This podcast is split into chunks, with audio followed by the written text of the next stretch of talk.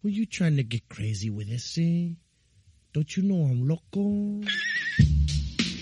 Hola, hola, hola, hola, hola.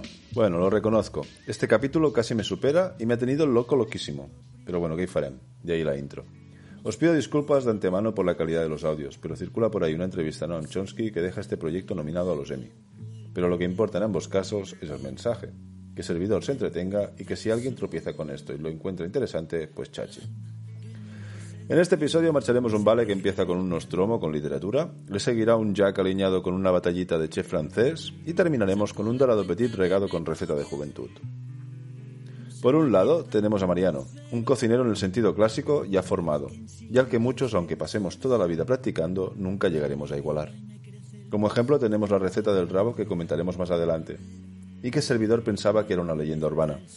¿Quién se podía creer que un humano fuera capaz de deshuesar en crudo y sin pinchar un rabo de buey? Por otro lado, nos situamos en la primera mitad de los 90, casi nada, y eso que las Olimpiadas ni se mencionan. Estamos a las puertas de una revolución en el mundo de la restauración, que ahora ya todos conocemos. Como ejemplos, mencionar solo que Ferran Adrià ya la empieza a liar par de Monjoy y se celebran en Vitoria los primeros congresos de Rafael García Santos. Y es en este contexto donde nuestro cocinero empieza el Nostromo. Volvemos justo en el punto donde lo dejamos. Estamos en 1989.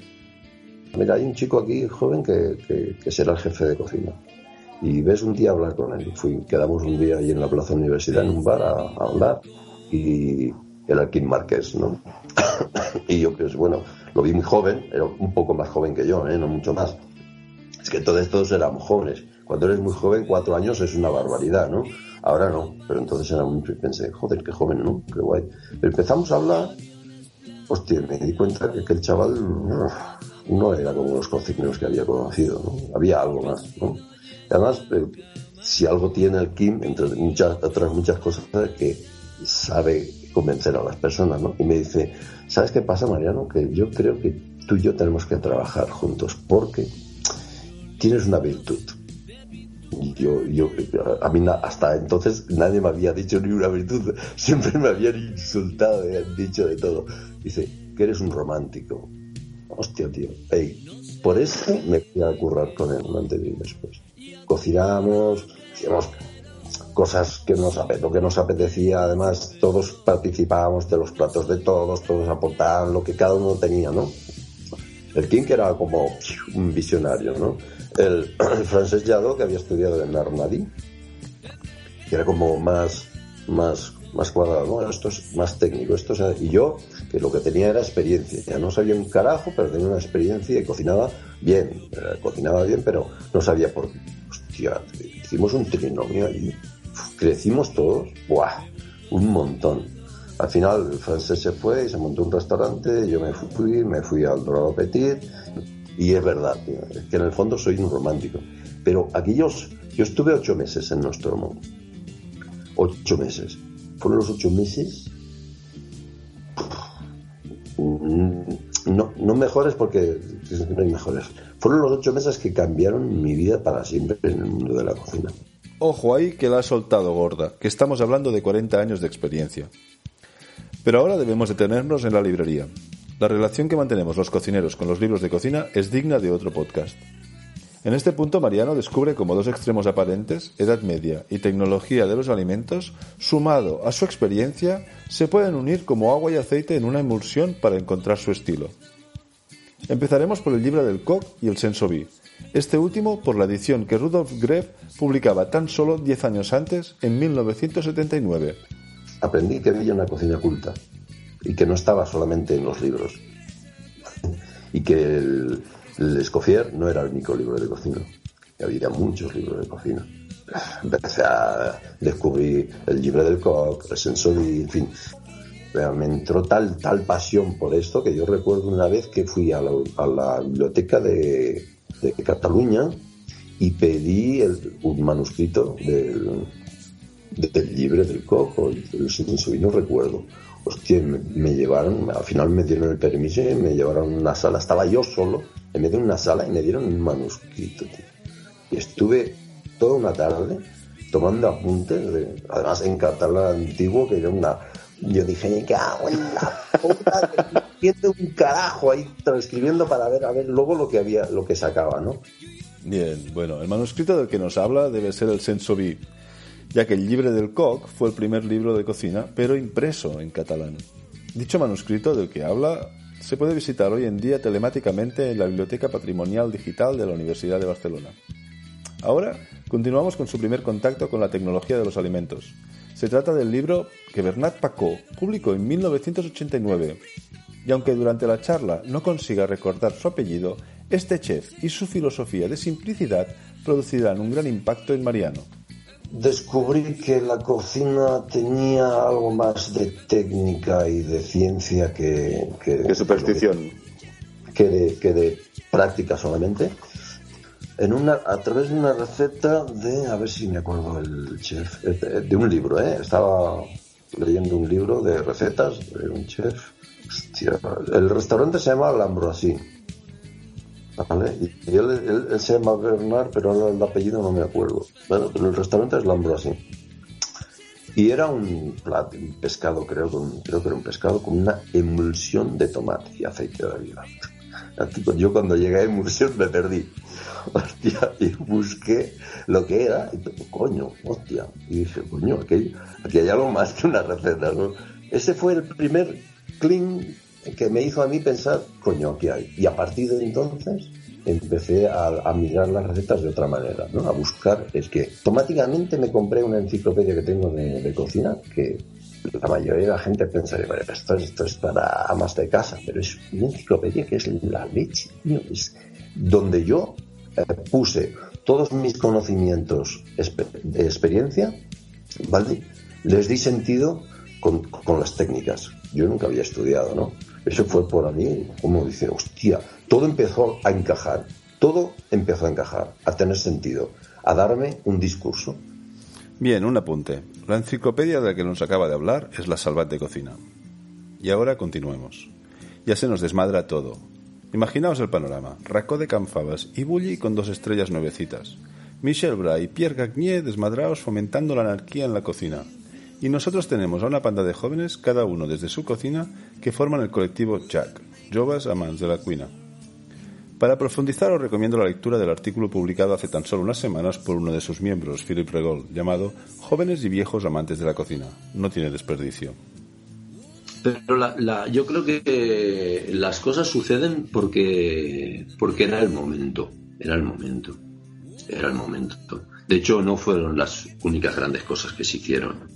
En la cocina se hicieron muchas cosas en esa, en esa década. La década de los 90 fue la época gloriosa, la época de que salimos del oscurantismo y no llegamos a ser divas. Mm.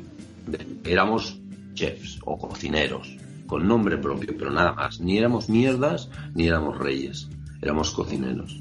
Y, bueno, se hicieron grandes cosas. Y además por el mero hecho de hacerlas, ¿eh? por el mero hecho de cambiar las cosas. No por ser, no porque era una, no era una competición, fluía.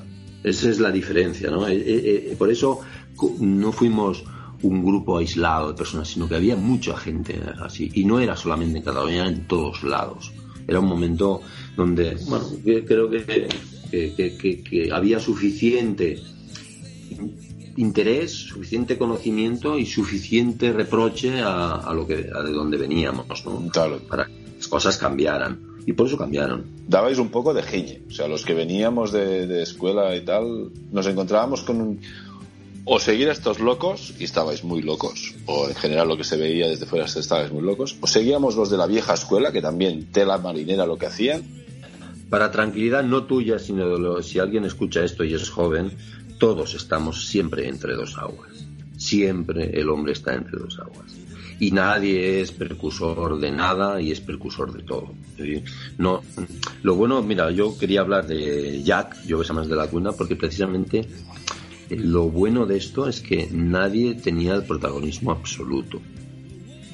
Y eso es algo muy difícil de encontrar. Y todo el mundo tenía el reconocimiento de todo el mundo. Hostia, eso... Pues yo creo que por eso, después de 30 años, todavía sigue viva una llama de compañerismo y, de, y, de, y, en este caso, tal y como funcionan ahora las cosas, que no es que funcionen mal, pero um, pues un poquito de nostalgia, ¿no? poquito de nostalgia. Vamos, resumiendo, que estaba anunciado. O, como se dice, se juntaron el hambre con las ganas de comer. Tirar ese muro era lo que muchos de nosotros también hubiésemos hecho si nos hubiésemos encontrado en su lugar. En este grupo, entre otros, encontramos a Alex Montiel, Josep Berenguer, Philippe Regol, Jordi Parramón, Tony Massanés, Sergio Lola y, como no, a nuestro Super Mariano. Pero queremos algo de chicha, por eso le pedimos alguna batallita. Esta la parte más chula, el día más espectacular de, de los que yo pude participar con Jack, porque yo tampoco podía estar siempre en todas las cosas que hacían. Muchos de los viajes que hicieron a Francia me los perdí, porque bueno, yo tenía que estar estaba en el Dorado Petit y tenía que estar de jefe allí de cocina y tenía que estar presente, ¿no?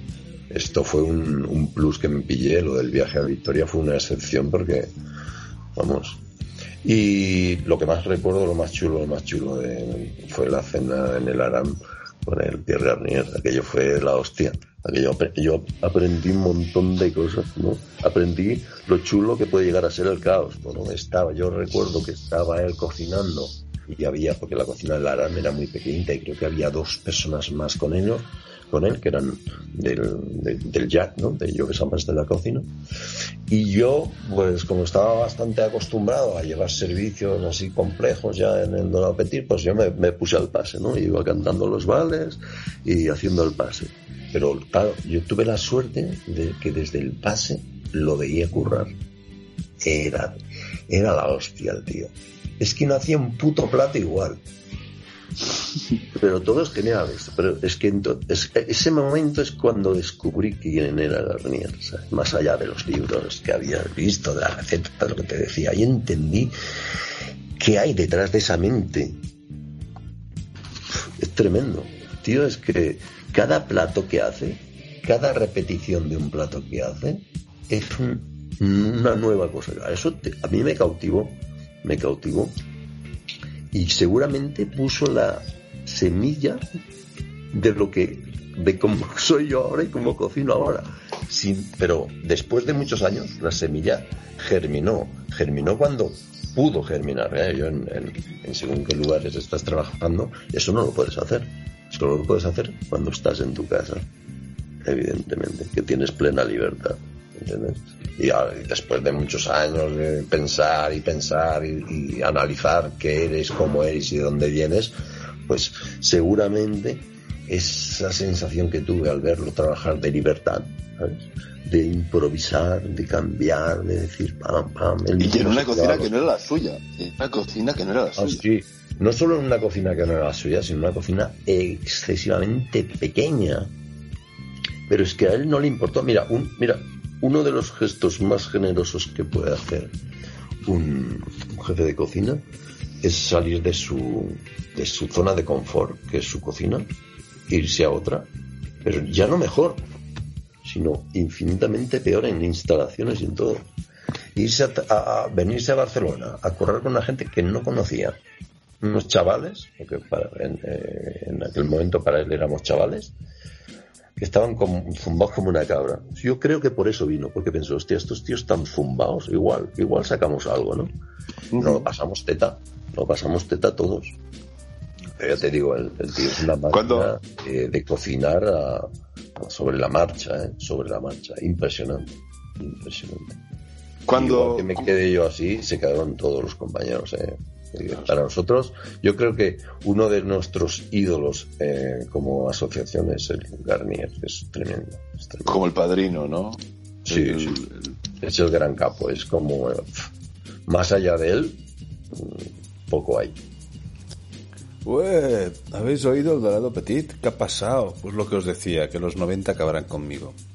A ver, vamos al lío. El Dorado Petit era un restaurante de San Felipe de Guíxols que abrió en Barcelona y también en Nueva York. El propietario y alma mater era Lluís Cruañas. Y resulta que el de Barcelona lo llevaba un chef que se había criado en el de San Feliu, nada más y nada menos que Jean-Luc Figueras. Cuando este se fue para llevar el azulete, su plaza quedó libre.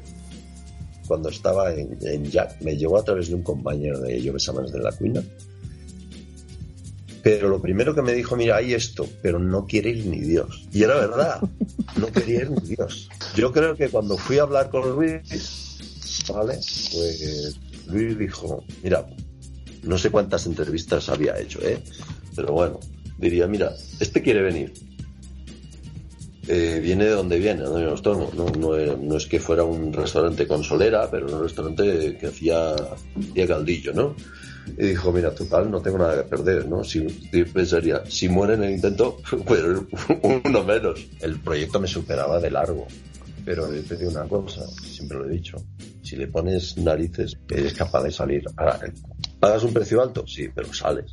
Mira, pasé de trabajar con colegas, ¿eh? Nostromo, que éramos tres, y éramos colegas, y todo muy buen rollo, a meterme en una cocina con 13 personas, que se había ido Jean-Luc, que tenía una manera de ser y un estilo diferente al mío, que llego yo allí, y, y lo primero, como nunca había llevado una brigada grande, ¿vale? Pues, claro, cometes errores.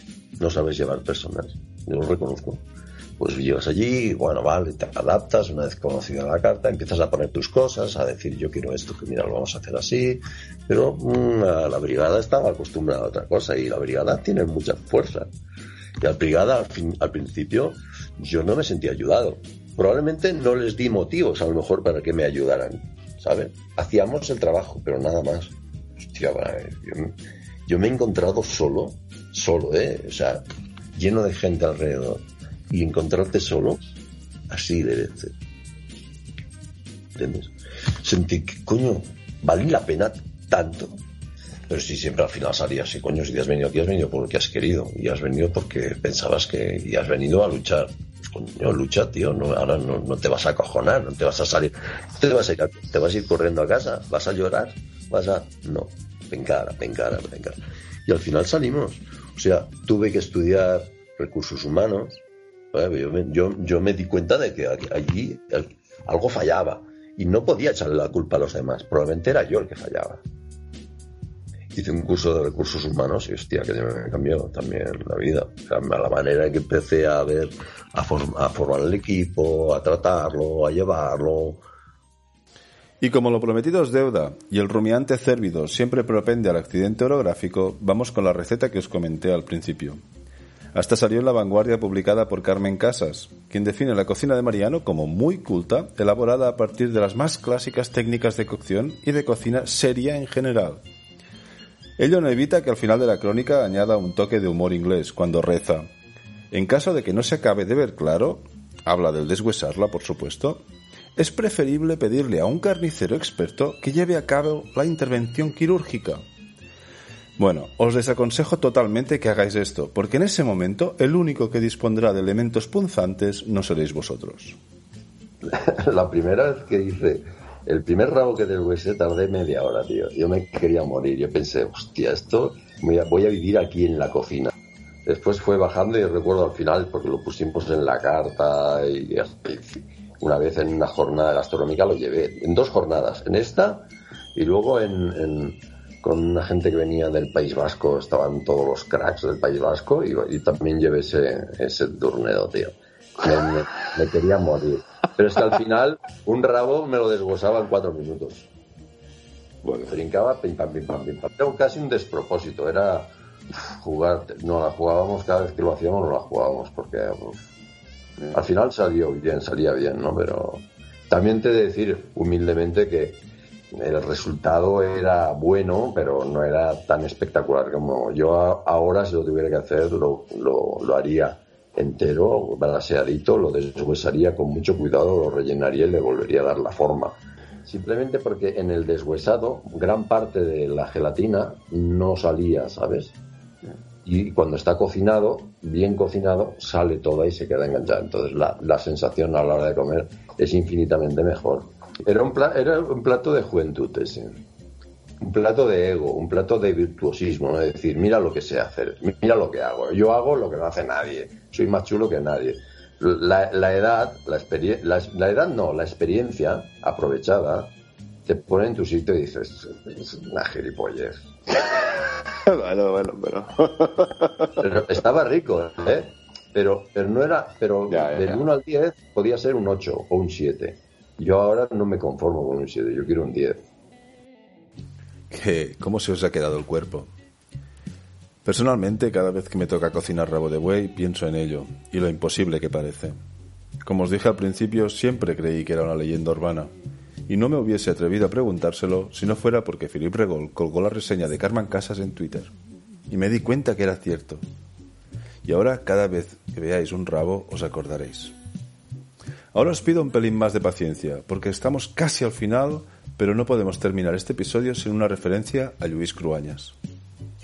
Mm, Yo lo que más le agradezco a Luis eh, a nivel de profesión es eh, haberme enseñado o haberme transmitido la importancia de lo que es eh, el cliente, ¿no? De agradar al cliente. Mm, Sin el cliente no somos nada al final, ¿vale? Y a veces tenemos un ego tan subido que, pensamos que tenemos que estamos por encima del cliente, ¿no? Y yo creo que no. Yo creo que no. Yo creo que es nuestro indispensable complemento para que nuestro trabajo tenga un sentido. Luego podrá gustar o no, ¿no? Bueno, no- no- Eso no quiere decir que el cliente tenga siempre la razón y que haya que hacer lo que él diga, pero tienes que escucharlo, tienes que escucharlo. Y con él aprendí que aunque él escuchaba a la gente y, muchas veces le daba la razón, a mí no me gustaba, muchas veces no le daba la razón. El tío se los manipulaba, se los traía a su terreno y el cliente se iba súper contento habiendo hecho lo que Luis quería y no lo que, lo que el cliente quería. ¿no? Esto, aparte de verlo varias veces, muchas veces, durante cada día, durante varios años, pues te, te acaba calando, ¿no?